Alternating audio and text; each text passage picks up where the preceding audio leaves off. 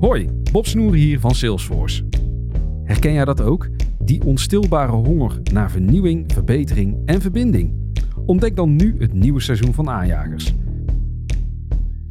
Patrick Willer en ik spreken iedere aflevering inspirerende gasten over verschillende thema's zoals leiderschap, diversiteit en innovatie.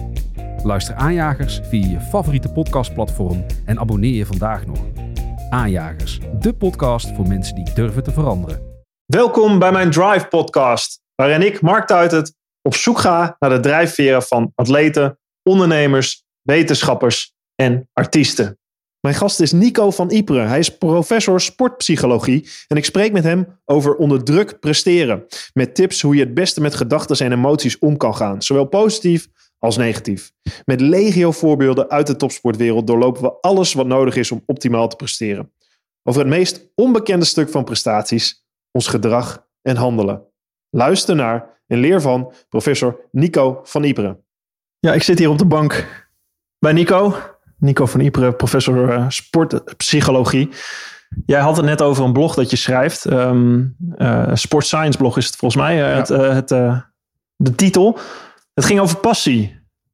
Ja, ja ik, uh, ik, ik heb een Sport Science blog om, uh, om zeg maar de mentale aspect, uh, aspecten van sport en presteren onder een breed publiek te verspreiden. Want er zijn nogal wat misverstanden over wat mentaal is. Ja.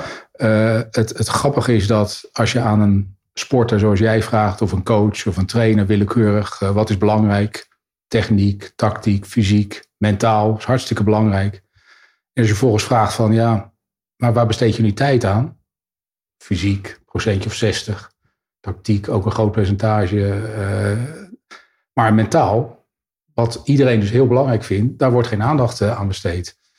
En dat kan verschillende oorzaken hebben. Daar kunnen we misschien nog wat over uitweiden. Maar, maar, dat, maar mm-hmm. wat, wat, ik, wat ik dus wil bereiken met dat, met, dat, met dat blog, is dat mensen begrijpen dat het eigenlijk heel gewoon is. Een hele, hele basale, gewone dingen is mentaal van hoe je je dag inricht, hoe je je leven organiseert, hoe lang je slaapt, uh, hoe je eet. Ja. Maar ook natuurlijk hoe je met spanning omgaat. En, uh, en dat je daar met sporters uh, over praat, van hoe zij dat aanpakken en hoe je dat ja. zou kunnen aanpakken.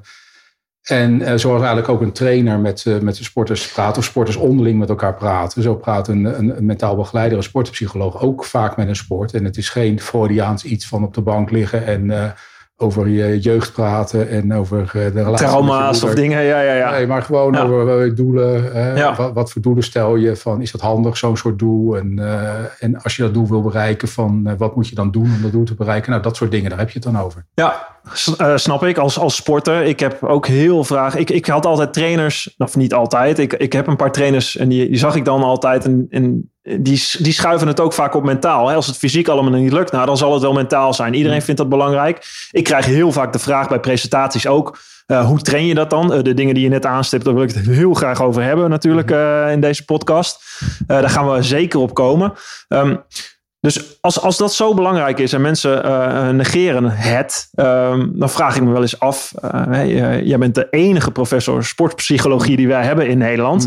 Mm. is dat zo'n klein vakgebied eigenlijk ook dan nog? Ja, ja het is, in Nederland is het niet per definitie. Want het is, ik, ik, vond, ik vond het eigenlijk verbijsterend. Hè. al, ik, ik, ik loop al, wat, al een tijdje mee in de wetenschappelijke wereld. En ik ben al ook langer hoogleraar op een wat ander gebied. Ik heb altijd al veel aan sport gedaan, ook aan sportonderzoek. Maar het is heel moeilijk om daar een leerstoel voor te creëren of een afdeling, uh, omdat daar inderdaad geen prioriteit aan wordt gegeven. Dus zo'n faculteit die denkt van nou psychologie, wat gaan we ja. doen? Nou, dan gaan ze kijken, mensen met psych psych uh, psychische problemen natuurlijk, dat, uh, daar wordt veel aandacht aan besteed, ook een groot, best wel groot probleem. Dat is een maatschappelijk nou, probleem. Ja. Dus, dus, daar gaat dan het geld naartoe, naar scholen, leerproblemen, kinderen die daar in werksituaties, er mm-hmm. zijn ook allerlei dingen gaande. Nou, daar geeft men dan blijkbaar de voorkeur aan. Ja. Uh, aan en niet aan sport. En ja, waarom? Misschien het is maar een spelletje, dat sommige, ja. uh, sommige collega's dat denken. Het of is, is het ook omdat het heel lastig te meten is? Zeg maar, we kunnen, hè, mijn zuurstofopname kan ik makkelijk meten. Progressie kan ik daar makkelijk in meten. Het blijft, een, blijft ook iets vaags misschien. Ja, nee, zeker, dat is waar. Maar dat geldt ook voor uh, psychiatrische patiënten. Dat geldt ook voor werknemers. Dat geldt voor kinderen. Mm -hmm. Waar ook mentale factoren een rol spelen. En daar maar in de sport, als je trainers hebt, ik, die willen het meten. Ja. Meten is weten. Hier gaan we naartoe. Ja, uh, ja al dat gelul over, uh, over de rest eromheen, dat uh, blijft me veel te vaag. Laat maar. Ja, ja, ja. nee zeker. Maar veel dingen zijn ook gewoon goed te meten. Ja. Het probleem is met...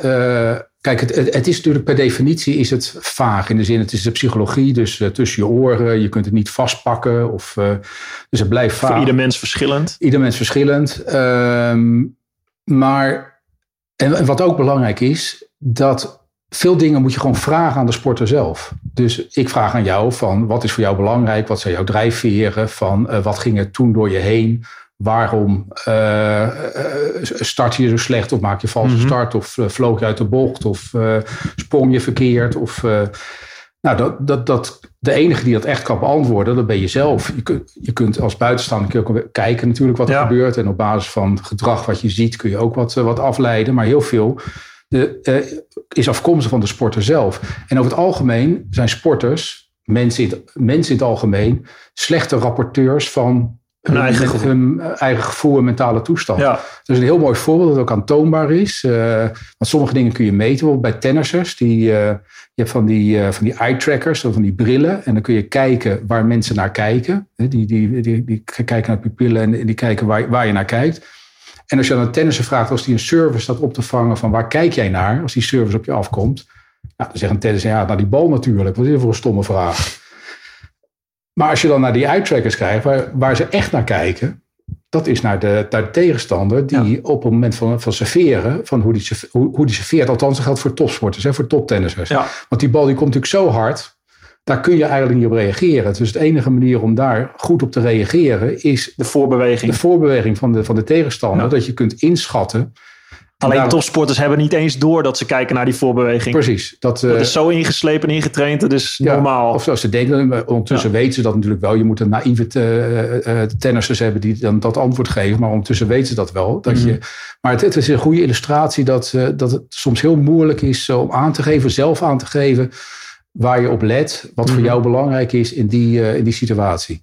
Maar hoe vang je dat dan in wetenschap? Hè? N is één. Uh, één sporter die iets vindt. Uh, dat is geen, daar kun je geen wetenschappelijk onderzoek op baseren. Hoe kun je, hoe kun je iets leren van uh, tactieken of toepassingen die je ook echt kan onderbouwen en, ja. en kan toepassen weer uh, wat je geleerd hebt? Nou, er zijn, er zijn twee, uh, twee manieren. Hè? Want je zegt N is één. N is één kan heel waardevol zijn. Kijk, als jij, jij bent schaatser en als we afspreken, daar zijn we nu mee bezig trouwens, met anderen ook wel, met van, van die apps waar je kunt meten van en, en gewoon mensen dingen vragen. Mm -hmm. Dus als jij vanaf nu aangeeft van uh, wat je eet op een dag, uh, hoe je slaapt, uh, hoe je voelt, ja. wat voor jou belangrijk is, doelen. Trainingsdagboek. precies, allerlei sporttechnische data. Als je dat op dagelijkse basis conscientieus bijhoudt, dan kun je na zo'n 90, 100 metingen, het liefst nog meer, kun je voorspellingen doen over jouw toekomstige prestaties. Want jij hebt gewoon je rondjes geschaatst en, en je hebt dus aangegeven hoe je voelt, hoe je slaapt enzovoort. En dan kun je op basis van algoritme, zoals bij Google of iTunes, kunnen ze jouw muziekvoorkeur voorspellen mm -hmm. op basis van keuzes die je maakt en dingen die je leuk vindt. Op basis van die algoritmes kun je dus ook voorspellen van uh, hoe iemand gaat presteren. Dat is natuurlijk niet één op één de perfecte, maar wel kom je, kom je in de buurt. Want die keren dat jij bijvoorbeeld negen uurtjes hebt, hebt geslapen, mm -hmm. toen bleek dat die, in die dagen daarna dat je optimaal presteerde. En als je wat minder sliep, ja. omdat je studieverplichtingen had of je moest spreken of andere dingen doen ja, dat, dat ging gelijk ten koste van je prestatie. En dat kan ook met, uh, met dingen... Maar dan heb je fysieke parameters waar, waar je slaap, uh, vermoeidheid. Maar hoe vang je mentale parameters dan in zo'n, in zo'n model? Nou, mentale par- uh, parameters zijn bijvoorbeeld van... dat, dat je vraagt van hoe, hoeveel vertrouwen heb je dat je die, dat je die wedstrijd ja. gaat winnen. Of, of gewoon simpel, hoe voel je je op dit moment? Ja. dingen. Of... Hoe is, uh, hoe is op dit moment de relatie uh, met je trainer en met je, met je teamgenoten, of met je vriendin, of met Ja. je vrouw, of met je, met je familie? Uh, Of, of zijn, er, zijn er allerlei andere dingen gaande? Heb je ook eh, studie? eh, dus dat zijn ook Je allemaal- vraagt best wel veel van, van een sporter dan. Echt, je vraagt sporters diep persoonlijke dingen om naar hun leven te kijken en daar ook eerlijk over te zijn. Ja, dat is absoluut eh, b- belangrijk. En dat gebeurt natuurlijk op basis van, eh, van vertrouwen. Als, als jij dat invult, dan ben jij ook de enige die dat, die dat eh, te, te zien krijgt. Ja, En als je topsporter bent, dan wil je het maximale eruit halen. Dus als ik jou kan uitleggen van dit is alleen maar Ja. eh, eh, eh, behulpzaam als je ook eerlijk bent. Anders zit je gewoon met fake data te werken. Ja. Eh, zit je jezelf voor de gek te houden.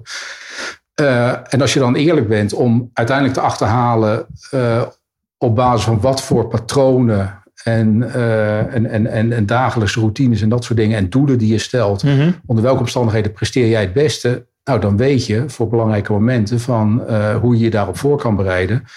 Ook dus wat betreft die, die psychologische factoren. Want hoe werk, je, hoe werkt je psyche voor, ik weet het natuurlijk als ervaringsdeskundige, hoe je psyche voor een belangrijke wedstrijd werkt, onder druk werkt. Volgens mij hebben ze eh, in, in eh, Groot-Brittannië een eh, beroemde sportpsycholoog erbij gehaald, die Steven Peters. Mhm. de, die, die dan over, het heeft over de chimp-paradox. Je, Mhm. je limbische brein volgens mij van binnen, dat Mhm. schreeuwt, ik wil dit emotioneel. En dat je zelf moet leren dat te reguleren.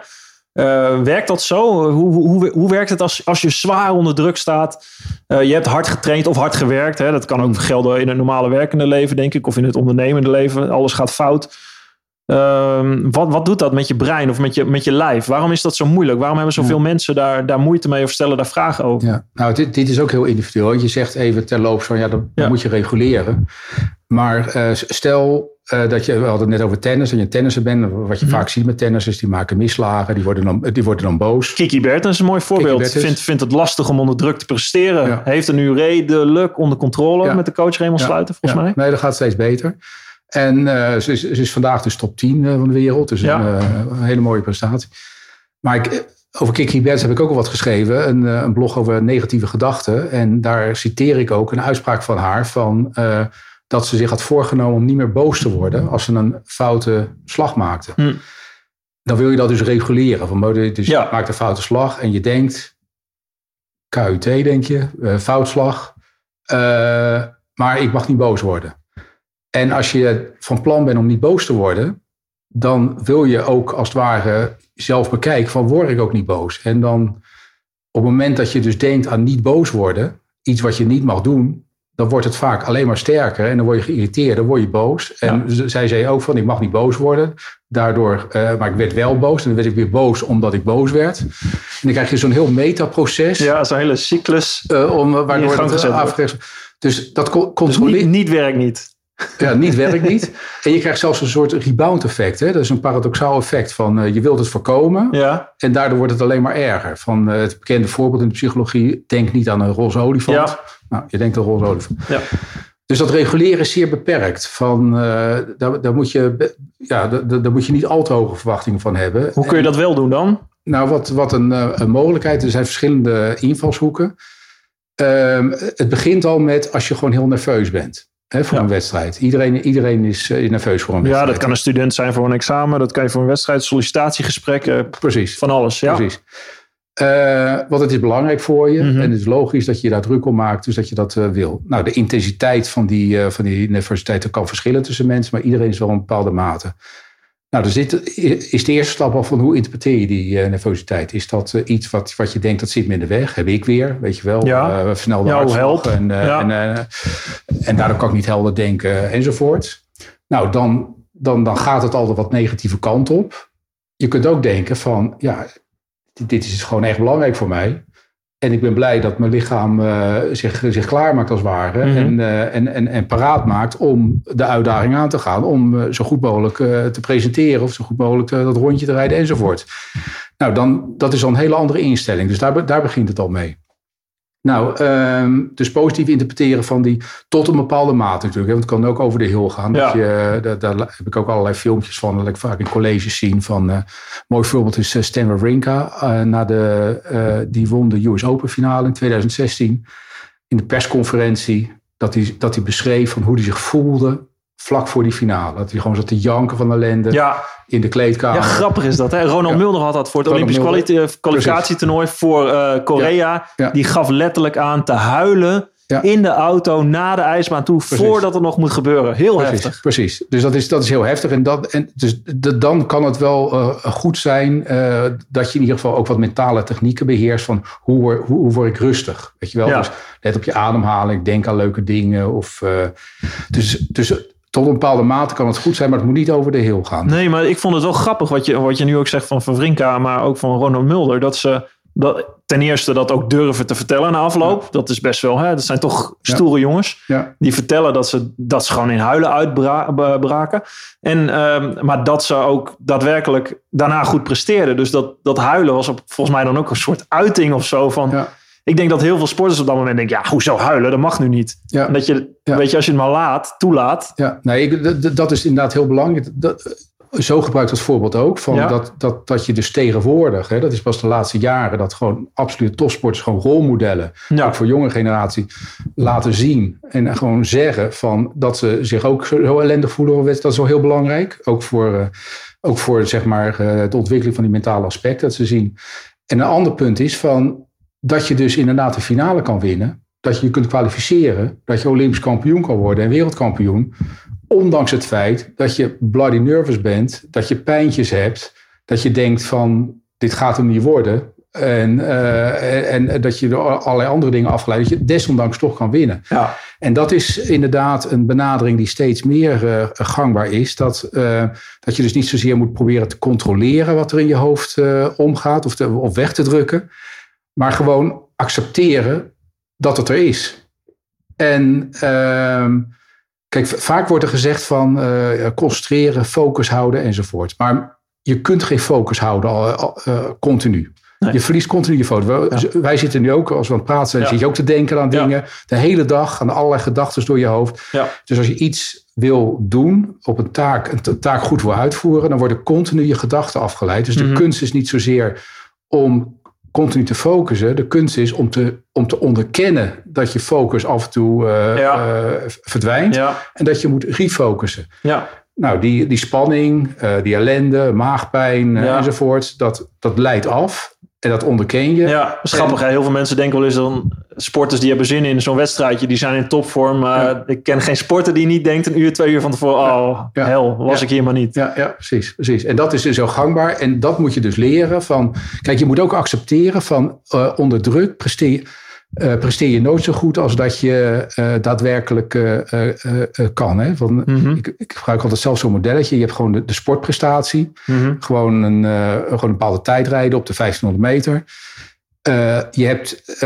wat bepaalt waar welke tijd je rijdt, is wat je in huis hebt Ja, wat je op dat moment kunt, hè, gegeven de trainingen van de afgelopen maanden enzovoort.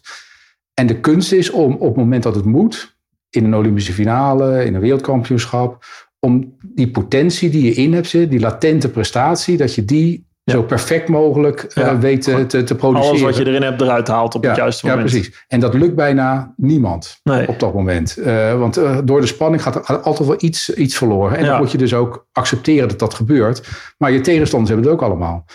Dus Ja, grappig. Dus eigenlijk wat je, wat je eigenlijk zegt, als ik het dan goed vertaal, is dat als je in topvorm bent, hè, we noemen het wel eens pieken, dat ik Mhm. zelf, hè, boven jezelf uitstijgen. Eigenlijk is het niet zozeer misschien boven jezelf uitstijgen, maar gewoon je, het maximale uit zo jezelf dicht, zo halen. dicht mogelijk bij wat in je zit. Ja, en heel veel zullen breken onder de druk, waardoor het lijkt alsof jij dan misschien zoveel beter bent, terwijl de rest ja, ja. waarschijnlijk ook gewoon minder is, omdat ze ten onder gaan aan die druk. Ja, ja, zeker meer. Dus, dus je moet je Ja. prestatieverlies, dat is een Ja. term die ik dan altijd gebruik, de prestatie moet je zien te beperken. Ja, Dus je, je daadwerkelijke prestatie is wat je in huis hebt, Ja. minus je prestatieverlies.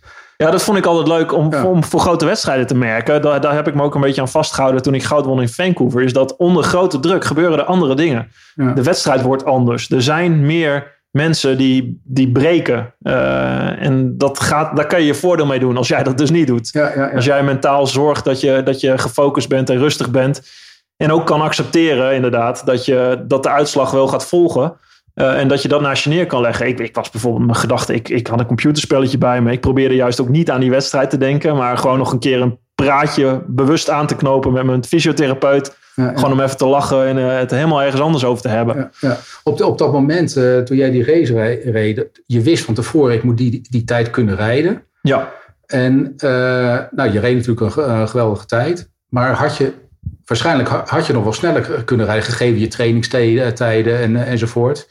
Ja, nou, ik moet wel zeggen dat ik. ik dat is wel grappig dat je zei: hè, het maximale presteren. Ik heb altijd de, het geloof gehad en de overtuiging dat als ik alles uit mezelf zou halen, ik maximaal zou moeten kunnen presteren. En eigenlijk deed ik dat op dat moment. Toen ik over de streep kwam, dacht ik: nou, weet je wat? dit is maximaal presteren voor mij nu. Ja, ja. Eigenlijk heb ik altijd het gevoel gehad dat al die andere wedstrijden heel vaak ik er niet alles uit kon halen. Dus ik heb me echt vastgehouden aan het feit dat als, als er minder druk op stond, weet je, dan kan iedereen het. Of heel veel mensen kunnen het. Alleen ik, bij mij ontbrak er altijd wat. Of mijn benen liepen eerder vol, of mijn longen, of, of er was thuis wat aan de hand. Of het viel nooit echt allemaal samen. Maar ik heb er altijd wel geloof in gehad. Als ik alle parameters uit trainingen zag. ja, eh, en, en Jack, mijn trainer toen ook, Jack Ori ook. Dat als alles bij elkaar. Weet je, we hebben ons heel vaak afgevraagd. Ja, maar hoe kan het toch, joh? Hoe kan het Ja, dat het niet alles samenkomt? Weet je, ik had hele goede testen, fysiek, alles klopte. En dat kwam op dat moment wel samen. En dat was ook wel het moment dat ik eigenlijk ook wel heb losgelaten. eh, dat, weet je, je bent met goud bezig om te winnen. En dat is mijn volgende vraag meteen om daarop aan te sluiten. Mhm. Je hebt zoveel sporters, je bent bezig als sporter, ben je helemaal getraind op dat ene doel om met Mhm. winnen bezig te zijn. En de paradox is, eh, in mijn ogen, dat, dat je, je, je bent zo bezig met dat winnen. Ja. Dat, dat als je dat los kan laten Ja. en het even kan laten varen, dan wordt het niet zo benauwend. Dan, Ja, sta je, dan benauwt het je niet, waardoor je verkrampt. Als je dat los kan laten, ontspan je letterlijk, waardoor je gewoon, waardoor het meer vloeit en het meer gebeurt. Nou, ik, ik denk dat dat- dit is gewoon samengevat wat de uitdaging is voor een topsporter. Een topsporter wil niks liever dan winnen. Daar gaat het om. Daarom Ja. ben je ook topsporter. Ja? Dus dat is het uitgangspunt. Je hebt eh, psychologen die zeggen, ja, het gaat om zelfverbetering enzovoort. Ja. Nee, uit, dat is mijn uit- uitgangspunt altijd. Sporten, topsport, gaat om winnen. Dat is je uitgangspunt. Ja. Het punt is, en dat is nu wat jij ook zegt. eh, ja, je wil wel winnen, maar ja, je kunt wel stampvoetend langs die baan gaan staan. Ik wil winnen, ik wil winnen. Ja, maar dat zegt- dat wil iedereen. Dat, dat wil iedereen Ja. en dat, dat, schiet mee op. Dus je moet de eerste vraag stellen, oké, wat, wat moet ik doen om te winnen? Mhm. In jouw geval, wat voor tijd moet ik rijden? Nou, je wist uit basis van al die parameters, van trainingen, zo wist je precies wat Ja. voor tijd. Je weet de concurrentie en je weet als ik die tijd rij, knappe jongen die eraan komt. Ja. Hè? Dus, eh, dus die tijd. Maar goed, dan weet je, die tijd moet ik rijden. Maar daar schiet je nog niet zoveel mee op. Van, eh, dan weet je die tijd. Maar je moet die tijd wel rijden. Dus wat moet je doen om die tijd te realiseren? Nou, en dat is heel individueel. Van, eh, waar, waar je dan op, op, let, is dat... eh, is het vooral diep zitten, eh, snel in de bocht, bepaalde dingen bij de start. Of ik, ik, ik, ik vind een Jochem Uitenhagen, een collega van je, die heeft daar wel eens een mooie uitspraak over gedaan, die ik, heel, die ik echt heel mooi vond. Ik, ik weet niet of, dit, of het helemaal zo werkte, maar hij zei van heel veel sporters proberen in een trainingssituatie, proberen ze de wedstrijdsituatie te simuleren. Ja. Hè, de druk eh, enzovoort. Hij zei, ik deed precies andersom. In de Olympische finale, wat ik deed, was ik probeerde een trainingssituatie te simuleren. Ja. Want ik wist precies ik kon. Ik moest dit openen. Eerste rondje zo, tweede rondje zo. Ik, dat heb ik tig keer gedaan. Hè. Ik weet dat ik dat kon. Dus ik moest dat nu op dat moment ook doen. Ik- Het was gewoon een trainingssituatie. En ik kreeg gewoon dat, datgene wat ik in huis had. ja. Nou, en dat heeft hij gedaan. En nou, hij heeft een aardig resultaat eh, gehaald toen eh, tijdens de Olympische Spelen in, eh in Lake Hij hield zich gewoon aan zijn plan. Hij hield zich aan zijn plan. En, en dat is wat ik bedoel van... eh, dus je wilt winnen, dat is het allerbelangrijkste. Maar ga daarna naar de tijd wat je wil rijden. En vervolgens van, hoe ga je dat doen? Mhm. Nou, in Jochem Uithagen Mhm. eh, voorbeeld van een, een, een trainingssituatie Ja. simuleren. En vooral letten op dingen als nou, waar hij op lette. Hoe die, eh, nou, iedere schaatsreed weer zijn eigen dingetjes. Ja. Wat ik zei, diep zitten. Nee, klopt. Had ik ook. Hè. Je moet diep zitten, je Ja. technische dingen. Maar dat zijn ook al dingen die je al 10, 15 jaar lang in hebt geslepen en hebt getraind. Dat is zo, daar ben je zo gewoon mee. Maar dan eh, komt de druk één keer in de vier jaar van een speler. Media erbij. Eh dat is een totaal andere wereld. Ja. Eh, je hebt je voor jezelf de- het lat nog een keer hoger gelegd. hè. Mhm. Dat, dat zag ik heel erg om me heen. Met bijvoorbeeld eh, een Rietje Ritsman van Erbe Wennemars.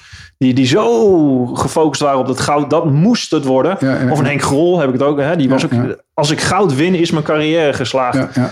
Eh, hele gevaarlijke gedachten, denk ik. Nou. Ehm, d- dat is. Nou, het, het zijn geen gevaarlijke gedachten. De, de vraag is, want ook daar geldt weer voor. Natuurlijk heb je die gedachten, daar ben je topsporter Ja. voor. Maar de vraag is op welke momenten je die gedachten moet hebben. Mhm. Dus als het eh, kloten weer is en je moet eh, gaan trainen, dan is het heel goed dat je die gedachten hebt. Ik wil Ja. Kampioen worden en die tegenstanders en die zo. Want dan, dan moet je gaan trainen en dan, nou, dan ga je trainen om je. eh, om, om gewoon beter te worden. Maar het is natuurlijk niet echt behulpzaam, eh, een paar minuten voor zo'n Olympische finale, dat je dan aan dat soort dingen denkt. Dan moet je dus vooral proberen te denken aan datgene wat je moet, eh, eh, moet doen. En, dat, en dat, is, dat, is, dat is moeilijk. Maar ja, ik wou net zeggen, dan, hoe, hoe, hoe leer je dat? Hoe doe je dat als je eh, als je even die, die chimpansee of dat brein hebt wat tegen je zegt, je moet nu winnen. Uh, Mark, je moet nu winnen. Henk, er, dit is het moment. Je moet. Hoe hou je die gedachte komt op? Hoe hou je dat? Nou, in feite is dat tegen. Is, is dat de, kijk, ten eerste is net als dat je moet leren schaatsen, mm -hmm. zijn mentale vaardigheden. De naam zegt het al, vaardigheden moet je ook leren. Dan dus, begin je niet op de dag van de Olympische finale nee, mee. Nee, precies. Dus uh, als jij nu, als jij, als ik nu zeg, ja, je moet, je moet je richten op datgene wat je moet doen, ja, ja. dat weet jij ook wel en dat weet iedereen wel. Nee, dat is maar, grappig, want maar, ik krijg veel presentatieantwoorden. De vraag ook, hè, hoe ga je om met die druk? En als je dan, je kan bijna geen antwoord geven van, nou ja, doe even dit en dan ben je er vanaf. Nee, nee precies. Dus je moet, je, moet, je moet dat zelf leren. Dus ja. uh, ik, ik, ik begeleid, begeleid ook schaatsers en de, de, hoor ik. Dus, dus die, het, het denken aan, uh, aan winnen, dat is zo'n afleidende gedachte. Ja. Waar, je, waar je dus. Terwijl in topsport alles wel draait om winnen. Je zei, ik precies. zei het, jij zei het. Precies. Nee, maar, ja. maar op het moment dat je die prestatie moet leveren, is het willen winnen een afleidende gedachte. Ja. Want dat, dat, dat helpt je niet. Nee. Uh, wat een, wat een taakgerichte gedachte is, is datgene wat je moet doen. Uh, om, en dat wil niet zeggen dat je heel gedetailleerd op allerlei bewegingen moet letten, want dat werkt ook averechts. Je moet, je moet op een bepaal, bepaalde dingen letten. Uh, uh, dat, dat kan ademhaling zijn, dat kan een bepaalde lichaamshouding zijn. Dat, dat, dat is voor iedereen, iedereen verschillend. En dat moet je dus leren wat bij jou werkt. Dus in trainingssituaties, als jij een start maakt ja. als 500 meter rijder en je hebt, het, die start en dat, dat gaat wel eens mis dan moet je dus in trainingssituaties uh, proberen van uh, eigenlijk probeer te simuleren uh, dat je dus een belangrijke wedstrijd, dat je absoluut mm -hmm. wil winnen. En dat kan best. Als je tegen een trainingsmaatje, dan wil je ook natuurlijk een snellere start en die snellere ja. openingen enzovoort. En dat je in dat soort situaties oefent van oké, okay, ik, wil, ik wil niks liever dan, dan, dan de snelste opening hebben en de snelste start. En wat helpt op, dat, op mij op dat moment? Uh, waar moet ik op letten? Waardoor die kans groter wordt. En dan moet je gewoon mm -hmm. wat dingen uitproberen van uh, wat, wat, wat bij jou werkt. Maar wel gericht is op die taakuitvoering. En dus niet op de consequentie, winnen of verliezen. Ja. Of zelfs op de tijd uh, moet je... de, Echt puur de taken. Puur, puur de taak, taakgerichtheid. En dat is gewoon leren en oefenen onder druksituaties. En ook in wedstrijden, dan moet je ook als, als jonge schaatser... ga je een paar keer op je bek natuurlijk, dat het ook niet lukt. Uh, ook bij een kwalificatie. Mm -hmm. En, uh, Geldt dat eigenlijk ook voor penalties nemen? Hè? Dat mooie voorbeeld uit het voetbal, waarin wordt gezegd: de ene trainer zegt dat is niet te trainen. De ja. ander zegt: tuurlijk is dat te trainen. Hè? Dat lijkt mij de perfecte, uh, het perfecte voorbeeld in dit opzicht, toch? Ja, het is uh, enorme onzin om te beweren dat dat niet werkt. Ik heb ook wel eens presentatievoetbaltrainers en dan mm. heb ik altijd het voorbeeld van: oké, okay, nou stel jij bent trainer van team A en team B. met team A ga je na iedere training een jaar lang met z'n allebei in de cirkel bij elkaar komen. Eén uh, voor één naar die penalty stip. Keeper, penalty nemen, gewoon volgens het hele protocol. Het andere team uh, gewoon trainen, training afgelopen, douchen enzovoort. Na een jaar in de bekerwedstrijd speelt jouw team hè, A tegen team B. Gelijk komen penalties aan het eind. Welk team maakt grote kans om te winnen? Maar ja, waar ik mee geoefend heb. Nou, wat lul je dan van het is niet te oefenen? Wat zeggen die trainers dan? Nou, de, ja, dan, dan voelen ze zich een beetje betrapt eigenlijk. Dat is heel, heel koddig. Van, uh, ja, ja eigenlijk, eigenlijk is dat wel zo. En uh, dus, dus dat is een soort, ja, een beetje een, bijna een soort stereotype of zo. Een soort rigide beeld wat, wat mensen dan hebben van het mm -hmm. is niet te trainen. Maar als je daar gewoon over nadenkt het is ook heel raar als trainer, als, dat je als trainer beweert ja. Dat dingen niet te trainen zijn. Dan ondergraaf je eigenlijk ook je eigen vak. Uh, ja, nou ja, dat gaat heel vaak natuurlijk over techniek. Hoe zet je je voet neer ja. met het schaatsen? Hoe trap je tegen een bal? Engeland kwam heel ver met penalties. Die, dat, die ja. hebben daar heel veel op getraind. Ja, onder leiding van Nederland, Nederland, Nederlands hockeyteam is ook een aantal uh, voorbeelden in de geschiedenis. Dat die ook uh, op die manier gingen trainen. Uh, zoals ik net zei, gewoon na iedere training. Nou, die, en, en, die wonnen bijna altijd. Maar de crux, de crux zit toch in het feit dat even als sporter denkend, als je op de ijsbaan staat of die panel neemt, je moet, je, die druk moet je dan kunnen recreëren. Mm -hmm. um, dus als ik na de, weet je, ik heb ook wel eens training en dan, uh, ja, okay, nou, oh ja, even startje, weet je, op de automatische piloot. Ja. Dan, je moet het je wel volgens mij echt inbeelden en ja. echt even naar het moment gaan. In Ja. je hoofd om echt die druk te creëren, toch? Ja, je moet een, eh, precies. En onder die druk moet je dus een eh, routine ontwikkelen. Zoals met die penalties, eh, dus idem dito, dat je naar die penal, penalty stip loopt. En dat, je die, dat je van de scheidsrechter die bal krijgt, dat je die neerlegt. Eh, inclusief dat teamgenoten van jou als keeper jou gaan irriteren. Ja. Naar je toe komen lopen en eh, rare dingen doen. Dus dat hoort er allemaal bij. Dat kun je Ja, allemaal provoceren. provoceren. Dat deed de vader van Tiger Woods. Hè? Die gooide golfballetjes naar Ja. de kleine Tiger van vier jaar oud. Ja, precies. Aversietraining. Dat is altijd een goed voorbeeld dat ik ook altijd gebruik. Eh, Gewoon aversietraining. Van als jij als, jij als zo heb ik ook wel eens van een schaatser gehoord. Die, die irriteerde zich aan, aan mensen aan de zijkant bij de start. Of zo over de boarding hingen en zo. Nou, het eerste wat ik zei, eh, komende, twee, eh, komende weken vraag je je teamgenoten of publiek, weet ik voor wie, die gaan allemaal over die boarding hangen. En jij gaat gewoon die starts oefenen. Net zo lang tot je die, die afleiding, want, is, eh, want daar irriteer je aan, is weer een afleidende gedachte, dat je daar zodanig mee kan omgaan dat, dat, dat je er als het ware immuun voor bent geworden. Ja. En dat je geen, geen- totaal niet meer interesseert of die, of die mensen waar ze staan, hoe ze hangen, wat ze doen. Ja. Dat je je volledig, volledig kunt focussen. Kijk, dat wil niet zeggen als je daar staat, dat je dus, dat is dat refocussen. Dan sta je aan die start. En dan kun je op een bepaald moment wel zien van, nou, die hangen over die boarding. En dat is weer zo'n afleidmoment. Ja. Maar dan weet je dat. Ja. En dan heb, heb je dus geoefend van, oké, als dat, eh, als dat eh, gebeurt, dan ga ik dit of dat doen. Hm. En het geldt, hetzelfde geldt voor zo'n penalty. eh. alleen al van, met de penalty is ook nog interessant van waar je op let. Hè? Dat is ook van iets wat je niet wil. Hm. Dus als je tegenover die keeper staat, ja, ik moet niet in het bereik van die keeper schieten. Of ik moet niet naschieten, of ik moet niet overschieten. Ja. En eh, daar zijn ook eh, eh, allerlei technieken voor. Dat je, dat je richt op datgene wat je moet doen. Dus waar je die bal moet schieten. En dat heet quiet eye. is een mooie, mooie techniek. Met, met, met heel veel target sporten. Met, eh, met, heel veel, met heel veel target sporten heb je dat. Ja. Ehm, met, eh, met darts of met eh, boogschieten of met, met penalties. Quiet eyes. Quiet eye. Leg uit.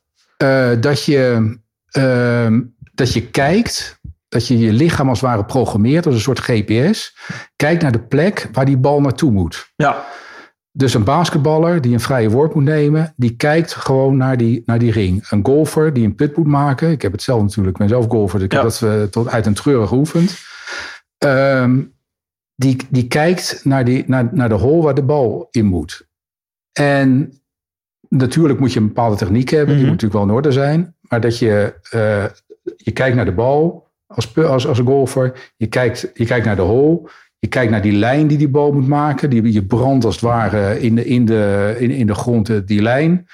Eh, je kijkt weer naar de bal en vervolgens geef je gewoon een, een bepaalde snelheid aan die bal, die, Mhm. je, die je eigenlijk nog ineens bedenkt, maar gewoon laat gebeuren. Want dat, door dat kijken Ja. programmeer je lichaam als het ware die, die snelheid. En dus met basketbal eh, idem dito. Je kijkt naar die, naar, naar die basket. En, Ja. nou, en de kans is dan groot dat het erin gaat. Bijvoorbeeld eh, eh, basketballers, er is heel veel onderzoek naar gedaan. Die langer naar die, eh, naar die basket kijken. Ja. En dat heeft natuurlijk ook wel een limiet. Maar die in principe langer kijken. Die scoren vaker. Je moet echt op het punt richten waar je wil scoren. Ja, Ja, Dat- grappig. Ik noem het wel eens, ik noem het wel eens je moet een duizendpoot niet leren dansen, zeg maar. Je moet de muziek aanzetten. Dus Ja. je, als je, volgens mij werkt het zo toch dat je je lichaam, dat je als je moet bedenken hoe je iets moet aansturen, dan landt Ja. het in de soep. precies. Terwijl precies. als je je concentreert op wat je moet doen en het hup, laat gebeuren en Ja. je lichaam het maar laat overnemen, dan, Ja. eh, Ja, dan gaat het samenwerken. Precies. En, en dat, is, dat is ook het grote dilemma. Met, eh, want als ik zeg, ja, je moet je op Ja. de taak richten. Dan moet je dus niet op al die details eh, letten. En hoe Ja. je de beweging moet doen. Want dat werkt alleen maar af, afrechts. Ja, Paralysis by analysis heet dat. Hè? Dus dat je door, door analyseren... ja je zegt je je, moet je niet op de, niet op de randvoorwaarden richten. Precies, precies. Maar, je moet, maar een van de dingen is dus bijvoorbeeld kijken. Ja, Eh, dus een golfer, een basketballer, die onder druk gewoon kijken naar die, naar die, naar die basket. Mhm. en, en dat ook heel veel geoefend hebben. Mhm. Dat je dat ook, eh, ook kunt. Nou, en als schaatsen zou dat ook kunnen. Dat je gewoon, eh, gewoon eh, recht, net als Vooruit blijft kijken, gewoon ja. vooruit blijft kijken. Ja. Van daar, daar moet ik naartoe. ja. En je blikveld vernauwen eigenlijk. ja, gewoon in die tunnel, in, letterlijk in die tunnel komen. En van daar moet ik naartoe. En, en dat moet je voor jezelf uitvinden. Ja. Of als je onder druk staat, dat als je je voorneemt om te, om te kijken naar die 100 meterlijn. Eh, dat dat je helpt om je, ja, om, om je te concentreren op datgene wat je moet gaan doen. En eh, je, je Ja. gedachten afgeleid zijn van andere dingen. Geldt dat ook voor, voor eh, examens maken, voor mensen die, die luisteren die niet aan sport doen, voor, voor dagelijkse taken ehm, qua focus? Ja, nou, echt, echt precies hetzelfde. Van, dus als jij, als jij gaat presenteren of je hebt een, een, een interview voor, voor werk, hoe heet dat, een sollicitatiegesprek, Ja, eh, of, of inderdaad nog eh, examen. Ja, dan, dan is het ook een kwestie van eh, in je voorbereiding, eh, wat, wat is mijn taak eigenlijk? Mhm. Nou, het presenteren, het jezelf verkopen, zelf Ja. presenteren in een interview of, of de stof reproduceren. Dat je, ja, dat, dat is je taak. En, Ja. en wat, wat moet ik doen als ik afgeleid word? Mhm. Als er herrie in de examenhal is of ja andere de dingen. presentatie valt uit, eh, het publiek morst, eh, Ja. maar morrelt, ro- roezemoest. Ja, hoe kan ik gewoon weer die focus terugkrijgen op die, op die taken die ik, die ik moet doen? Maar hoe kun je dat als je daar op een podium staat en het, en het gaat mis of het gaat... Is, hoe, dat moet je trainen eigenlijk. Ja, nou, je kunt dus, dus wat, wat, wat een hele goede methode is, is, is dat je van tevoren, je moet een presentatie Mhm. houden en jij noemt ook al gelijk zo'n voorbeeld, dat is het Ja. eerste waar je aan denkt. Er gaan dingen mis. Ja, Dus eh, je gaat hier op de bank liggen ja. en je gaat al die scenario's door van wat kan er allemaal misgaan. Dat heet een, eh, een pre-mortem eh, analyse. Van, als, je, als je kijkt, Doodgaan. Ja, volgens mij... we- nee, nee, pre-mortem, je, hebt, je hebt een postmortem en Ja. pre-mortem. Ja, En, en postmortem is heel gangbaar. Er is iets ergs gebeurd. Hè, er is een dat, trein, dat treinongeluk met die kinderen Ja. laatst. Eh, een, in de kerncentrale is het misgegaan. eh, en dan heb je een paar aantal specialisten die gaan, die gaan eh, analyseren. Oké, wat is er misgegaan en hoe kunnen we het voorkomen? dat is mooi. Dat is een South Park aflevering over gemaakt. Ik ben fan van South Park. Captain Hindsight. Ja, ja, ja, Dus ja, precies. Iemand achteraf weet iemand precies te vertellen wat er fout is gegaan. Maar wat je dus ook kunt doen, is die, dat die gebeurtenis gaat plaatsvinden, die finale. Mhm. En je gaat bedenken, een paar maanden van tevoren, wat kan er allemaal misgaan? Terwijl je dit, dit, wat je nu zegt, dit zou echt, dit druist behoorlijk in tegen wat je zou verwachten soms. Hè? Je wilt toch bedenken, het gaat goed, ik win goud. Je mag niet denken in wat Ja, niet ja. misgaat. Ja, nee, dat, eh, dat klopt ook. Ja. En, eh, en dat is eh, wat, wat, wat met name bij gelovige sporters neigen te denken. Van, als, je, als je denkt aan negatieve dingen, dan gaat het ook gebeuren. Maar ik heb er ook een stukje over geschreven, Mhm. wellicht geleden, de perfecte race. Van als je je op de perfecte race voorbereidt, ja, die, die, Die is er niet. Die, die is er Die niet. bestaat niet. Die Nee. bestaat niet. Maar we gaan dus nu wel de fouten inbeelden. Ja, inbeelden. En dat doe je dus niet eh, vlak van tevoren of een dag van tevoren. Dan ben je inderdaad eh, gewoon positief eh, dat alles goed gaat. Ja. Maar ruim van tevoren, dus in die hele trainingsvoorbereiding. en als schaatser kun je dat in de zomer doen. Als je op Mhm. het strand ligt, kun je als het ware allerlei scenario's doornemen. Van wat, wat ga ik doen? Wat zou ik doen als dit of dat gebeurt? Nou, en dan. en, en als je je dat voorstelt. en naarmate je dat beter kunt voorstellen, beter kunt visualiseren. is de kans groter dat je adequaat reageert op het moment dat zoiets ook, eh, ook, ook gebeurt. Ja. En, eh, en dat geeft geen garantie natuurlijk. We praten alleen maar over het optimaliseren eh, daarvan. De kans wordt groter dat je goed, goed reageert. En, de- Grappig heb ik ook gedaan. Ik, heb, ik visualiseerde me voor mijn races voor, voor Vancouver. wat gebeurt er als een dweilmachine uitvalt? Ja. Dat was bij de eerste twee races in Vancouver. De eerste twee dagen was dat zo. Dan deed de dweilmachine niet. Dat had ik van de zomers al geoefend, zelf gevisualiseerd. Van wat doet het met je als er iets gebeurt wat niet gaat zoals je verwacht? Ja. Hoe reageer je erop? Want inderdaad, wat je zegt, als het moment daar is en je, dan, en je moet nog reageren, ja, dan ga je schrikken van je eigen reactie en dan, ben je, dan ben je weg. ja, ja, precies. precies. Nou, ik denk dat het een perfect voorbeeld is van eh, de dingen, met name waar je geen controle over hebt. Wat wel kan gebeuren, wat, wat, wat aannemelijk is. En soms, soms zelfs zeer onaannemelijk, maar toch hè, vaak gebeuren de dingen Ja. wat je van tevoren gewoon niet kunt bedenken. Beyond imagination. Eh, Dus als je een stel even naar weer buiten de sport, een examen, presentatie, presentatie gaat alles mis wat er mis kan gaan. Een examen, en dat kan ook de uitslag zijn, gaat in één keer niet zo. Je, het zijn niet de vragen die je hebt verwacht. Het zijn niet. Eh, het loopt totaal anders. Dat kun je als je, aan, st- je- Eigenlijk zeg jij, je moet niet alleen trainen voor die presentatie, hè, technisch. Van ik, ik spreek zo mezelf voor of ik heb mijn Mhm. studiestof heel goed geleerd. ja. Maar je moet eigenlijk ook al oefeningen doen. What if scenario's. Ja, precies. Dus eh, heel veel mensen zijn bij een presentatie bijvoorbeeld bang voor de vragen achteraf. Weet je, Ja. Dus een eh, presentatie voorbereid, dat kun je nog, dat heb je helemaal in eigen hand. Maar dan komen de vragen. Nou, wat, wat doe ik dan? Ik heb heel veel met, eh, met studenten te maken die Mhm. natuurlijk ook eh, proefschriften moeten verdedigen. Of, Mhm. eh, nou, ook, ook bij die vragen. Nou, dan, dan kun je bijvoorbeeld een soort standaard antwoord bedenken, wat een politicus ook doet. Ja. Dat zie je tot irritante toe. Dan krijgen ze een Ja, vraag. sporters af en toe ook. Och, En, en dan draaien ze hun eigen verhaal eh, Ja. af. Nou, dat, dat kan heel functioneel zijn. Ja. Eh, maar als je natuurlijk inhoudelijk gedreven bent, dan probeer je natuurlijk wel zo dicht mogelijk erbij te blijven. Maar als je, als je, en je, en je kunt ook antwoorden voorbereiden. Ja, dat is een hele goede vraag. Daar heb ik op dit moment even geen antwoord op. ja. Eh, ik, ik, ik, ga het, ik ga het nazoeken. En als, Ja. ik, als ik het vind, dan, eh, dan neem ik even contact op. Dat is een heel goed punt. Bedankt. Ja. Weet je wel, dat, dat kan ook een reactie zijn. Of, of als, als de beamer uitvalt, eh, dat je dus ook, ook een backup hebt. Dus- van, Eigenlijk maak je gewoon in je hoofd al scenario's. Terwijl in, het zou heel goed dat je kan denken van... nou weet je, ik moet zo positief mogelijk denken. Maar het is ook juist goed om scenario's te hebben wat als het negatief is. Want dat geeft je ook rust. Hè? Dan, Ja. kun je, dan weet je ook hoe je, hoe je moet reageren als het een keer niet lukt. ja. Goeie tip. Nog, eh, nog Ja. een ding wat ik zelf heel erg fascinerend vind. Ik weet niet of jij eh, MMA eh, wel eens kijkt. Ik, heb Conor McGregor afgelopen weekend gezien tegen, Mhm. tegen Khabib, de Russische worstelaar tegen de, tegen de Ier. Die, eh, dat, en dat vind ik zo'n fascinerend figuur. Ik, mijn vraag is eigenlijk... eh, Ik vind hem fascinerend omdat hij geen angst lijkt te kennen. Mhm. Ongetwijfeld heeft hij dat, maar dat weet hij heel goed te verbloemen door trash talking, door zichzelf heel groot te maken, door precies te geven wat het publiek wil, door, door, door alles te overdrijven de goede kant op. En hij maakt het ook waar, hij wint wedstrijden. In iets mindere mate heeft, heeft bijvoorbeeld een Sven Kramer dat ook, denk ik. Die, die, die, die roept eh, van ik ga winnen en die houdt zich eraan en die, die levert.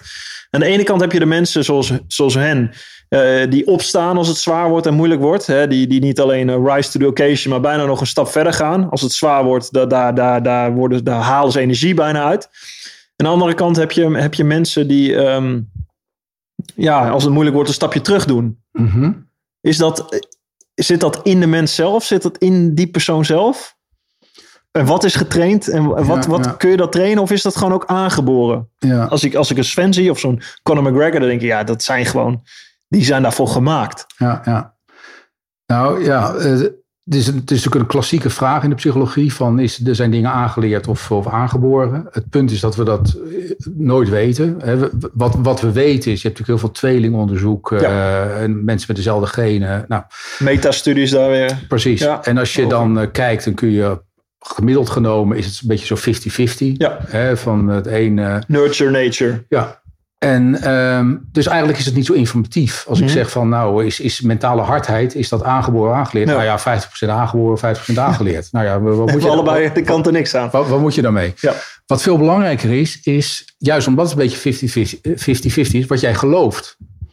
Eh, als jij gelooft, als je verlegen bent en je denkt, ja, that's me, Ja, eh take it or leave it, dan blijf je verlegen. Want je doet er niks aan. Dat, dat, je hebt er vrede mee misschien, of, of niet. Dus je doet er niks aan.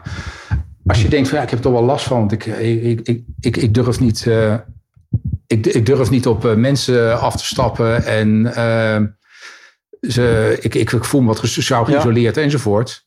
Nou, dan denk je, ja, ik ga er wat aan doen. Dus je gaat een assertiviteitstraining of, eh, of je gaat jezelf opdrachten geven door eh, gewoon op iemand af te lopen en kijken of je, of je doodgaat of niet. Als je zoiets doet. En grappig. dat- ja. Je, dat- moet, dat- je moet echt iets geloven. Maar dat vind ik ook Ja. wel. Dat, als, om even terug te komen nog op het voorbeeld van Conor McGregor en Sven Kramer. Ik geloof ook heilig dat zij zelf geloven dat zij de allerbeste zijn Ja, ter wereld. ja, En ze maken het nog waar ook. Maar daar gaat dat geloof aan vooraf. Ja. Het enige wat er natuurlijk is, als je dat ook maar één klein beetje pitsie pitsie niet gelooft, ja. dan ben je weg. Ja. Dus je Maar moet... het, het is wel grappig dat je ook het voorbeeld van Sven Kramer, want eh, eh, daar heb ik ook wat over geschreven. Een, eh, een blog dat heet Niet Verliezen. Mhm. En daar heb ik dus Sven Kramer als voorbeeld meegenomen. En als een gedachte waar we het al net over hebben gehad, over iets niet, Ja, is, is niet goed. en eh, hij geeft dus, geeft dus ook aan dat hij dat best wel vaak heeft. Juist, juist omdat hij de beste is. Hij gaf, dat, hij gaf dit wat je nu zegt. Ik zat Ja. dat live bij in een persconferentie aan voor de afgelopen Olympische Spelen in Pyeongchang. Hij zei letterlijk: eh, Niemand weet hoe het is eh, om mij te zijn. Ik kan soms alleen maar verliezen. Ja, precies. Dus, eh, dus nou, dat stuk wat ik heb geschreven. En wat wel aardig is van mensen, gewoon de allerbeste. Sven Kramer is gewoon op zijn afstand de, de, de allerbeste. Van hoe kunnen die, eh, ja, waar moeten die zich eigenlijk op richten? Ja, Als jij nummer drie of vier bent, nou, dan kun je op Kramer richten. Ja. Weet je wel? Dan moet je die verslaan. Maar hij moet eigenlijk een soort uh, future self of zo, of een, uh, of een ideale zelf als, als, als, een, als, een, als een target gebruiken om uiteindelijk nog beter te worden. En dat is, en dat is, het, dat is het ultieme uitdaging van de absolute top. En zo iemand als Skip Joker bijvoorbeeld, onder de twee uur de marathon lopen. Ja.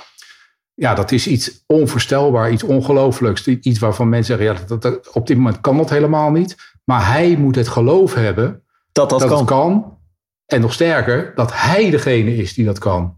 Hij stelt, zich, hij stelt andere tegenstanders niet dat doel, maar gewoon een eigenlijk voor de buitenwereld onhaalbare grens. Onhaalbaar, ja. ja. Er is een heel klassiek voorbeeld, hè? de Bannister uh, vier, minuten, vier minuten grens. Van dat, de Engelse mijl. De Engelse mijl, daar hebben jarenlang hebben daar een aantal atleten die toen top waren, die hebben dat geprobeerd. Ja.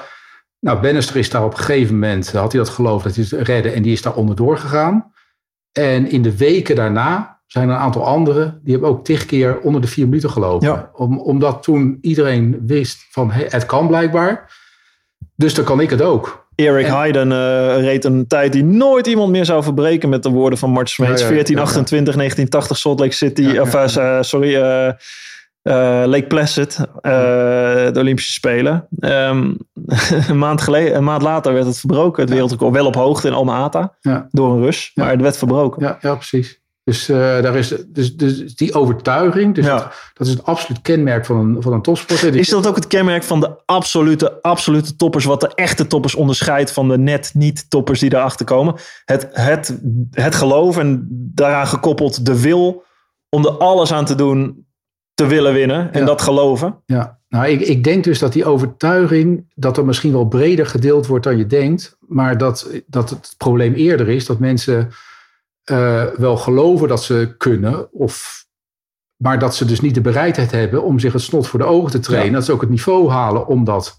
Dat zie je ook eh, in, gewoon in die talentenshows of zo. Van, Ja. eh, van, van, van mensen die beweren dat ze heel talentvol zijn enzovoort. Dat je denkt van ja, waar, waar baseer je dat op? Ja, voor het zingen in de douche. Ja. Zichzelf nog nooit gehoord dus, hebben. Het, het, narcisme zou ik maar zeggen. Ja. Dat, is, dat is redelijk wijdverspreid. Dat mensen denken, dus de overtuiging hebben dat ze gewoon heel erg goed zijn.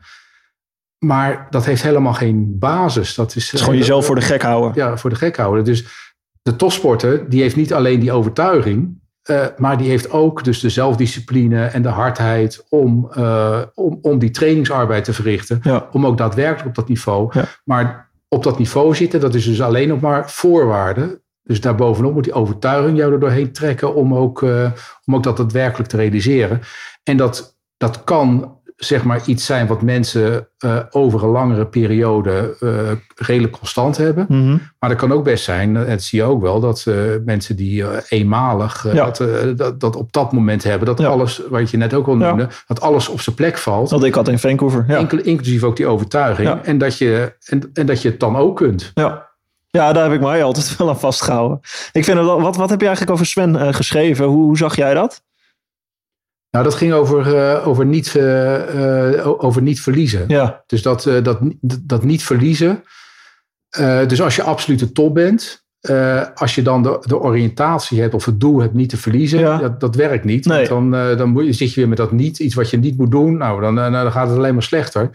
Dus wat hij moet doen, Mhm. is dus die, zijn eigen tijden ja, te, te verleggen. En, Ja. en bedenken van hoe kan ik eh, mijn eigen tijden nog Ja. verbeteren? Hoe kan ik een nog betere versie van mezelf worden? ja. Want ik ben eigenlijk mijn enige tegenstander. Dus hij moet eigenlijk voorbij het winnen gaan. eh, en echt naar zichzelf kijken. Win- Winnen van zichzelf, zou Ja. zou je het kunnen noemen. Ja, het is het moeilijkste wat er is, denk ik. Winnen van precies, jezelf. als je zo goed bent. Ja. Eigenlijk is dat altijd zo. Hè? Dus, eh, dus ook als jij nummer vier bent, dan, kun je, dan, dan kun je, dan kun je denken van nou Kramer rijdt, rijdt dat. Maar Mhm. ja, dat, dat helpt niet. Je kunt beter gewoon van je eigen tijd uitgaan. En waar kan ik nog die tiende ja. of paar seconden winnen? Een beetje afhankelijk van je, van je, van je discipline. Ja. Eh, hoe kan ik mijzelf nog verbeteren? Ja, maar dat is toch eigenlijk de crux van, dat is, vind ik een fascinerende paradox. Eh, je, je wilt winnen, is het doel, maar uiteindelijk moet je niet met be- winnen bezig zijn, maar met verbeteren. Ja. Terwijl als je als grote droom, ik ga mezelf iedere dag verbeteren neerzet, ja, dat werkt ook niet. Dan ga je niet, ga je niet het vlammetje van aanzetten. Ja. Ja, nee, precies. Dus, dus de, de, daarom zeg ik het, het belangrijkste voor topsport is winnen. Ja. Dat geeft de inspiratie. Ja. Dat, dat, dat is je De grote droom, het doel. Precies, het doel. En dan ga je terug. Precies, en dat inspireert. En, dat, en Ja. daarom kun je ook eh, hard trainen. Ja. Want dat is eh, je doel. Daarom kun je ook op die laatste, die laatste 100 meter... dat je gewoon helemaal steen kapot zit. Dat je nog dat extra kan, eh, kan geven. Dus dan kun je best aan dat winnen denken op die laatste meters. Maar, eh, maar afhankelijk ben je gewoon bezig met... eh, wat moet ik doen Ja. om uiteindelijk te winnen? Maar was dat wat je over Sven schreef, was dat van de afgelopen Olympische Winterspelen? Nou, de- ik, ik, eh, Want- ja, ik, ik weet niet meer precies. Ik heb wel een citaat van hem, maar ik weet niet meer precies wanneer dat was. Het zou best wel diezelfde persconferentie kunnen zijn Ja. waar die jij net. Want ik, ik, ik kijk veel naar interviews. Dat vind ik Ja. fascinerend, omdat sporters vaak en met hun lichaam en met hun eigen taal vaak meer prijs geven dan dat ze willen zeggen. ja, Eh, Sven eh, wist op dat moment al zelf dat hij niet in top, topvorm was. Dat wisten wij allemaal nog niet. Eh, hij, hij had last van zijn, van zijn been. Waar, wat bleek later op de 10 kilometer. Dat hij niet alles uit zichzelf had kunnen halen. Wat hij eigenlijk stiekem al wist. En Ja. dat vind ik altijd wel fascinerend. Als je, ja, dat is altijd weer als je terug gaat kijken. dat is makkelijk. Maar als je dan naar zo'n persconferentie kijkt. Dan, en hij zegt zoiets. ja, Dan denk je al bijna van ja, hij, hij, hij worstelt al ergens mee op dat Ja, gebied. Hij is niet helemaal grappige des Svens dat hij zegt van... Ja. Hey, ik kom hier en ik ga iedereen vernietigen, zeg maar. ja, ja, Hij is al met een negatieve lading ergens bezig. ja. Maar de- het grappige is dat je zegt van ja, hij heeft niet alles uit zichzelf kunnen halen. Van het is maar wat je alles vindt. Hè? Ja. Dus op het moment dat jij last van je rug hebt of van je, van je been, Ja, dan weet je van eh, ja, ik, kan- ik kan niet mijn allerbeste tijd eh, rijden of zo. Maar je kunt wel bedenken van nou, gegeven ja. deze beperking op dit moment. Nee, relatief is dat nog hartstikke goed. Maar dat is totaal druist dat in tegen Ja. alles wat hij al tien jaar lang roept. Ja. Ik ga alleen maar voor die gouden medaille. Ja. En sterker nog, hij, ik heb met Sven wel het idee... Nee, dat is niet het idee. Dat doet hij gewoon af en toe. Als, de, als hij dat ook niet redt, dan laat hij hem ook gewoon lopen. Ja, ja. ja. Dan is het gewoon niet des Svens. Nee, precies. En dat is, eh, nou, dat is een keuze die je maakt van, eh, van wat, je, wat je dan eh, belangrijk vindt voor, voor, voor hem. En dat, dat, Ja. dat leidt ook ook uit, uit uits- uitspraken van hemzelf. Van ja, als ik kom, ik ga niet voor een tweede of Ja. derde plaats rijden. Dat vind ik de moeite niet waard. Nou prima, dat is een keuze. Maar je zou ook kunnen zeggen van, nou, het zijn andere sporters, ook op, kunnen ook Mhm. gewoon op heel hoog niveau zijn. Die denken, nou oké, ik heb deze beperking op dit moment. Maar desalniettemin probeer ik gewoon het maximale eruit te halen. Eh, ik, ik heb wel zo'n zo'n blog geschreven over eh, Ranomi. Gewoon Ja. sowieso op een, op een WK dat ze wist dat ze nooit eerste kon worden. Terwijl zij natuurlijk ook Olympisch kampioen was. Ja. En, ja, en dat, dan voor een podiumplek gaan. Gewoon gegeven de omstandigheden, gegeven Ja. mijn huidige vorm, gegeven de mindere arbeid die ik heb kunnen verrichten in de afgelopen maanden. moet je eigenlijk over je eigen schaduw heen kunnen stappen als, als sporter. Ja, Dat is een nadeel natuurlijk van een hele grote. Je, je werpt zo'n schaduw voor je uit, inderdaad. Ja. Wat Sven ook zelf zegt. Wat zou je hem adviseren? Als je, hij heeft nog misschien twee, drie jaar op zijn, om te schaatsen. Het is twijfelachtig of hij ooit fysiek helemaal weer zo zal zijn als hij ooit was. Nou, het blijft een fantastische schaatser. En hij blijft een man die ook zomaar nog alles kan gaan winnen. Ja. Maar hij, hij gaat misschien ook vaker tegen dit aanlopen. Ja, nou ja, ik, ik zou zeggen, probeer vooral het, eh, het belangrijkste is als je wil blijven schaatsen, dat je het plezier erin houdt. Ja. En dat, dat heeft hij natuurlijk, van daarom, daarom ben je schaatser hij heeft zeker plezier in trainingen, denk Ja, ik. ik weet, de wedstrijden weet ik niet. Ja. maar. En dat je dan, eh, en dan vervolgens gewoon gegeven de situatie op dat moment, dat hij eh, dan toch nog streeft om het beste eruit te halen. En dat hij, en waar hij dan last van kan hebben, is inderdaad van, nou, ik ben Ja. Sven en de, en, de, en de allerbeste enzovoort. Ja, en dat dat misschien niet, meer, niet meer haalbaar is. En dat hij dan maar voor lief moet nemen dat hij denkt, ja, misschien denkt de pers of Ja. eh, publiek eh, zo en zo over me. En dat, dat hij zich daar niet zo mee bezighoudt, maar dat hij gewoon voor zichzelf gewoon een maximale prestatie eh, eh, eh, rijdt of schaatst. En dat hij daar dan tevreden mee moet, moet zijn. Dat hij gewoon ook met zilver en brons tevreden kan zijn. Of soms Als, misschien als, met dat, vierde als, plek. dat, als dat gegeven zijn, zijn situatie op dat moment en zijn fitheid op dat Ja. moment het allerbeste is, dan is dat een reden om enorm trots op jezelf te zijn. Als je gewoon het maximale eruit hebt gehaald. Gewoon een realistische kijk Ja. op, eh, Ja. op en, je dat, leven. en dat geldt dus ook voor, eh, voor aankomende talenten. Want eigenlijk Ja. is, geldt dit voor iedereen, wat, wat mij betreft. ja, Dat, eh, dat, dat, dat als je dus hè, winnen is het, is, is het uitgangspunt. Die tijd moet je rijden en daar moet je op letten. En als je die dingen die je hebt voorgenomen, die procesdoelen, om het zo maar te zeggen, die Mhm. taakgerichte doelen, als je die voor jezelf perfect hebt uitgevoerd, gewoon er alles uit hebt gehaald, ja, dan heb je dus een bepaalde tijd Ja. gereden. Eh, en vervolgens moet je maar hopen dat dat goed genoeg is voor eh, plaats 1, 2 of 3 enzovoort. Maar eigenlijk ja, moet je dat maar gewoon accepteren. En het is wel kut als je dan verliest Ja. als een sporter. Of vierde, vijfde wordt. Natuurlijk. Verschrikkelijk. Ja, maar als dat gewoon het allerbeste is. Je moet maar eens dat stuk lezen over, ehm over Anouk van der Weijden. Eh staat, staat ook op Sport Science. Zij werd vierde Zij werd op de. Olympische Spelen. Ze verbeterde de persoonlijk record met eh, 2,43 geloof Ja. ik. eh, wat hartstikke veel was. Eh, dus zij boekte echt prestatiewinst ook.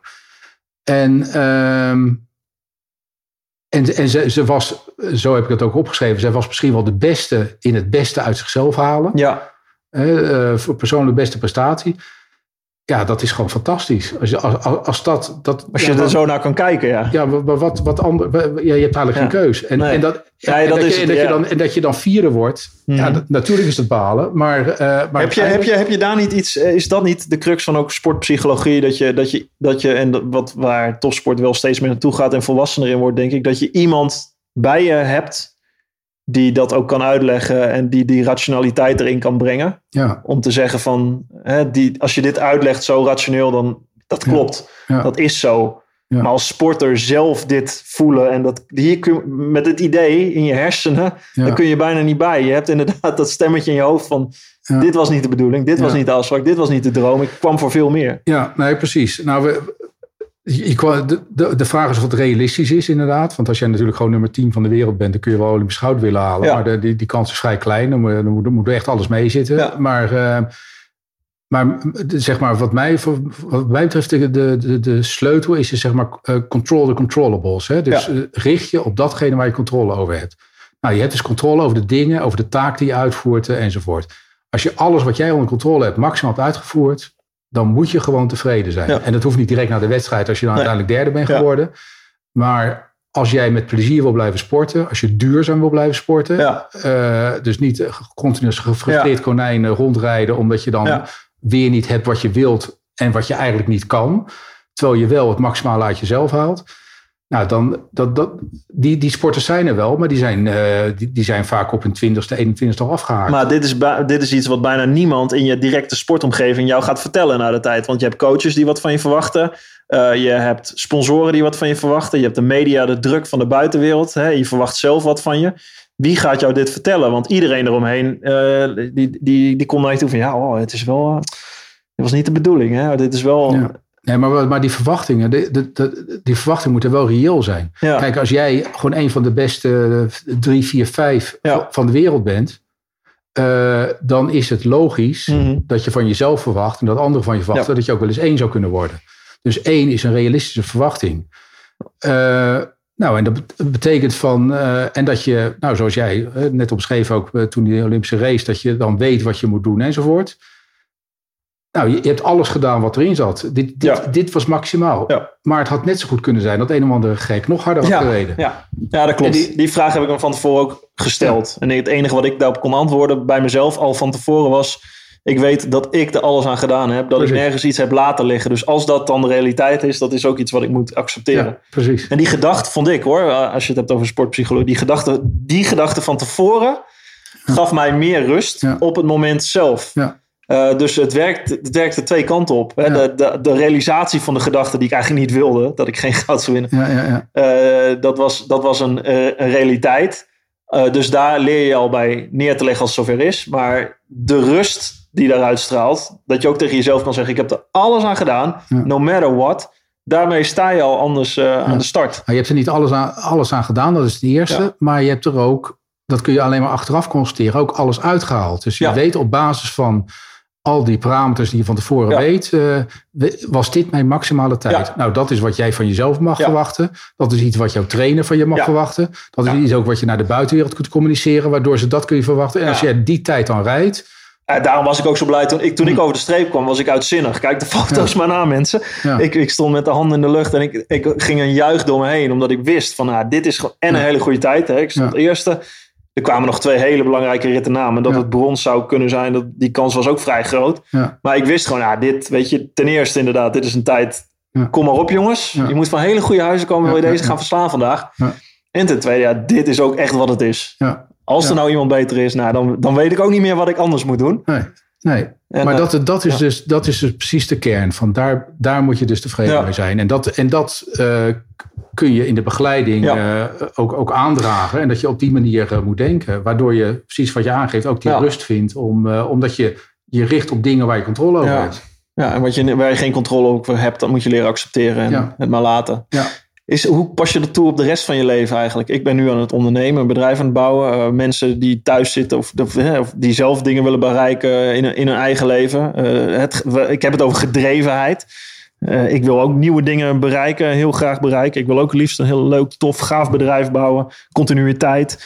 Ehm, hoe, weet je, topsport is heel makkelijk. Je hebt één doel, je hebt een gouden medaille. In die zin, top is moeilijk, maar je hebt een helder doel. Hmm. Ehm, eh, hoe pas je dat toe? Hoe pas je die technieken toe in het normale leven? Zeg maar? Als het doel wat vager is, helderder is, hoe, ehm, hoe ga je daarmee om? Hè? Als, je, als je berichten leest dat, dat jongeren burn-outs hebben al. Hmm. eh, dat, je, dat je als ondernemer wil je doelen bereiken. Hoe, hoe pas je dat toe? Dat is een beetje een brede vraag. Maar... Ja, ja, ja. Nee, maar dat is ook, dat is ook lastig. Omdat, eh, om, omdat je inderdaad in sport...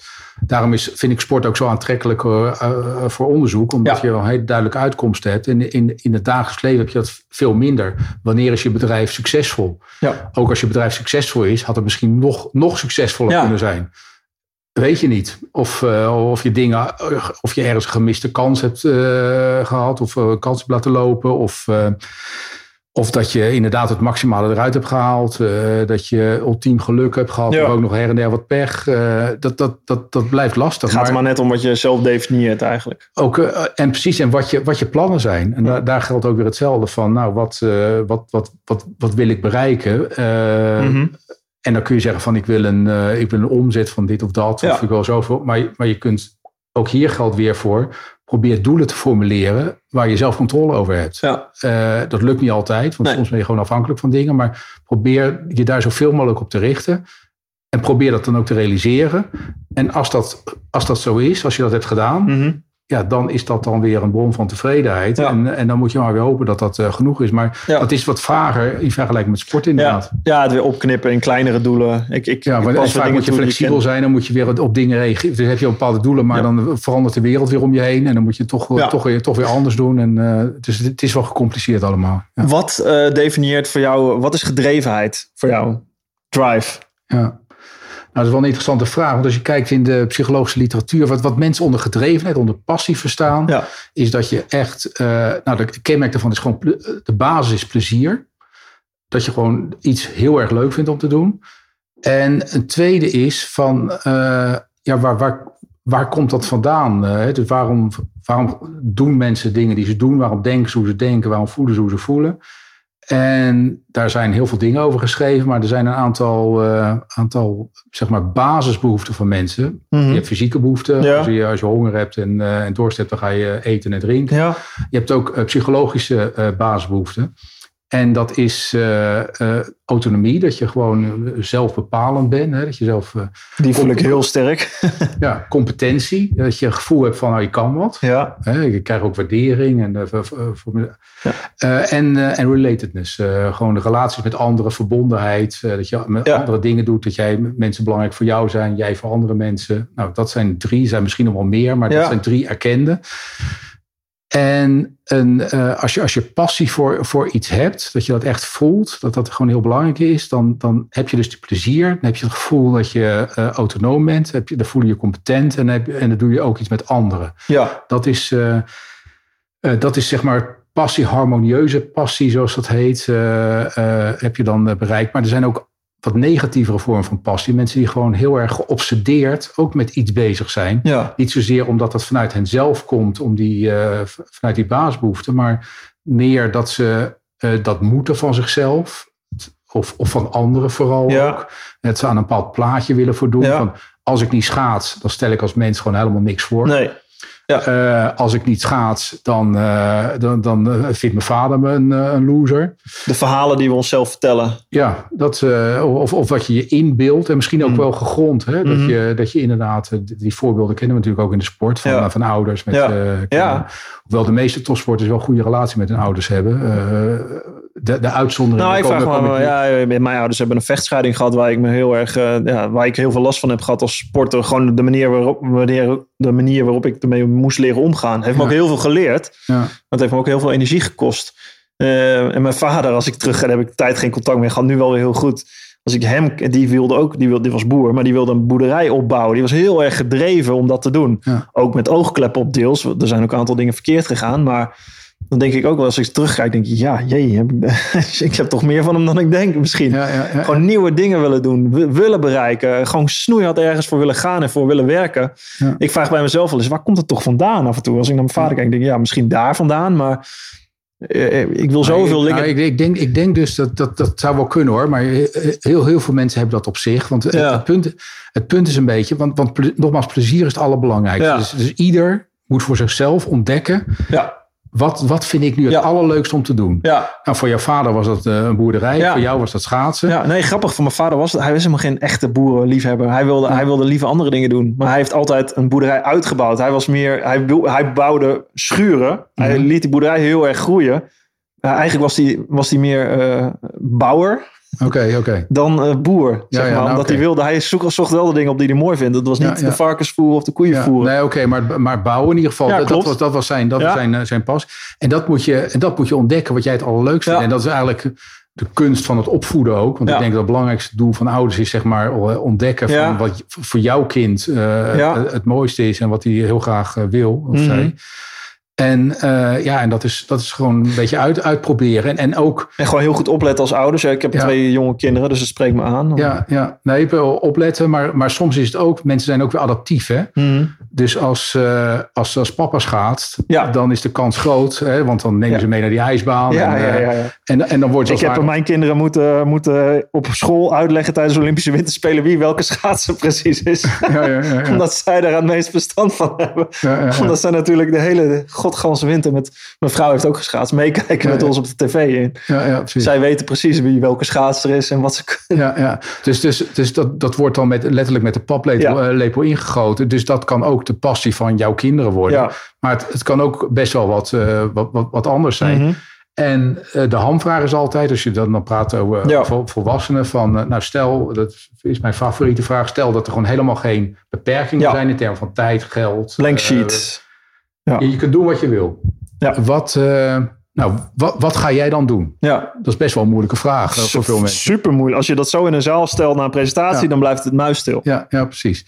Dus, eh, maar dat, dat, dat is wel een vraag die je zou moeten stellen. Ja. En, en uitproberen wat, wat je gewoon ja, in je vrije tijd doet, zonder dat dat voor, voor- van iemand moet of zo. Dat je Ja. het gewoon leuk vindt om te doen. Ja, grappig. En, eh, nou, en, en, dat, eh, en dat moet ieder voor zichzelf uitmaken. En, en dat is de basis voor een passie. Wat is dat bij jou, als ik vraag mag? Als, eh, ja, sportpsychologie ga ik vanuit, ja. maar Ja, Hoe is ja dat? het, het is een combinatie. Kijk, eh, sport aan zich is voor mij ook eh, van jongs af aan. eh, eh, en dan vooral als er een balletje in, in het spel is, Ja. letterlijk. Van alles wat met een balletje te maken had, dat vond ik gewoon eh, geweldig. En eh, ja, dat is, is ook voor, mijn ouders zijn dus helemaal niet zo sportief. Mijn Nee. moeder wel enigszins. En dus ik vraag je ook af waar dat vandaan komt. Maar dat, ja, dat ontstaat dan eh, Mhm. ook. En, dat, en, en, en je, je speelt al vaak met zo'n balletje. Je wordt er ook wat beter in, wat meer Ja. bedreven in. Naarmate je meer bedreven voelt, hè, dan wordt die niet voor competence. Die basis voor Ja. competentie, die wordt dan ook vervuld. Dus dan ga je ook, eh, nou, je, je, je gaat dan om met eh, vriendjes die dat ook leuk vinden, waar je goed mee kan vinden. Dat is ook weer een versterkende. Ja. En je hebt een leuke coach trainer die ook rekening houdt met wat jij wilt. En eh, nou, dan heb je ongeveer aan alle voorwaarden vo- voldaan waarom je dan in een, in een bepaalde sport, of, of, of misschien wel meerdere sporten. Dus dat, dat vind ik heel leuk. En, en ja, en, nou, professor en- en- worden, dat word je niet nou, zomaar. Precies, dus, dus, ook, eh, dus ook school. Ja. Ik heb altijd, heel veel kinderen hebben ontzettend hekel aan school. En ik heb, ik heb van jongs af aan zei ik al, nee, ik haal ik nooit meer van school af, weet je wel. En Ja. ik, ik, ik, ik zit dan eigenlijk nog steeds op school voor mijn gevoel. Ja, Op een universiteit, weet je, waar je, waar je gewoon ja, continu eh, dingen kunt leren, lezen, met eh, collega's, dingen bestuderen, discussiëren.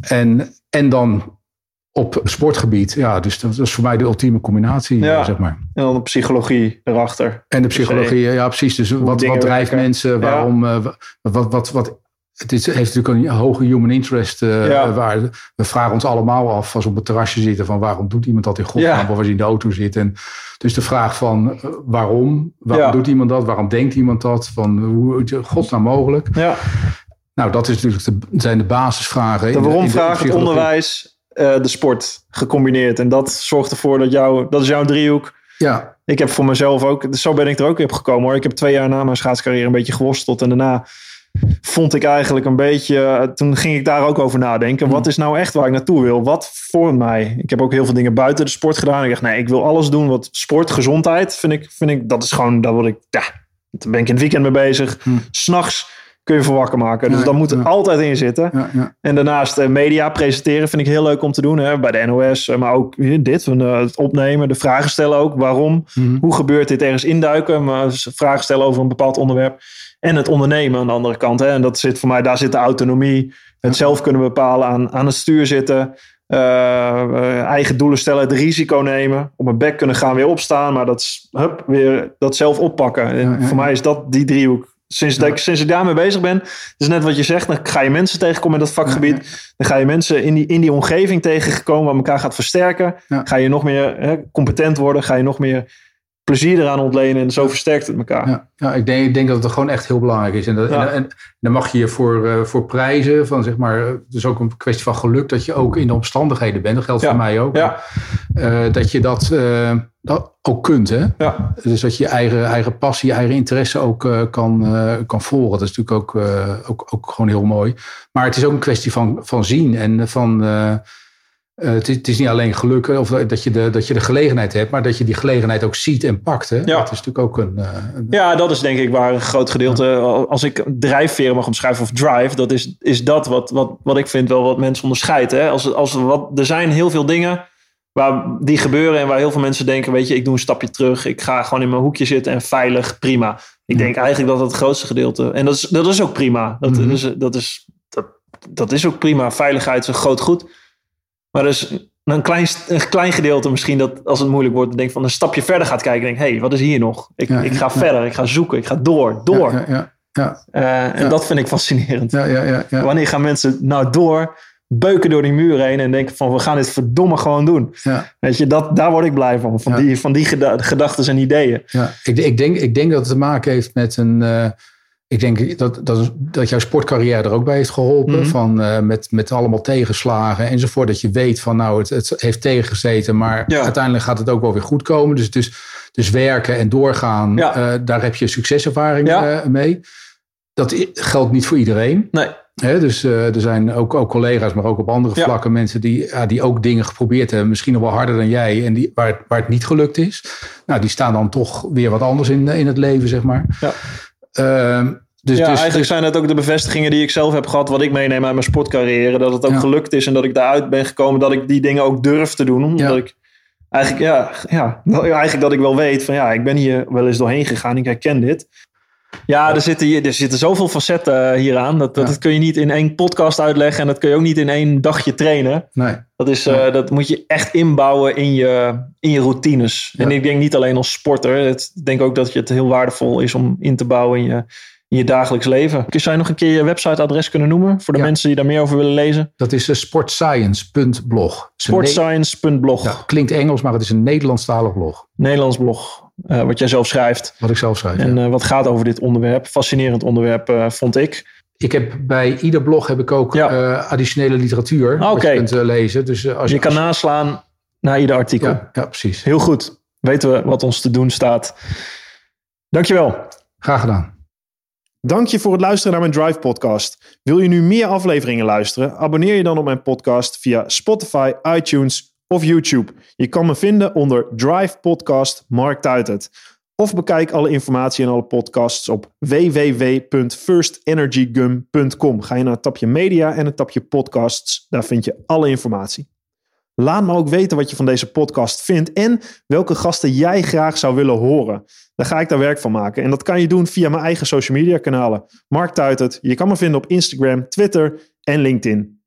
Ga gedreven verder zou ik zeggen. En tot de volgende Drive podcast.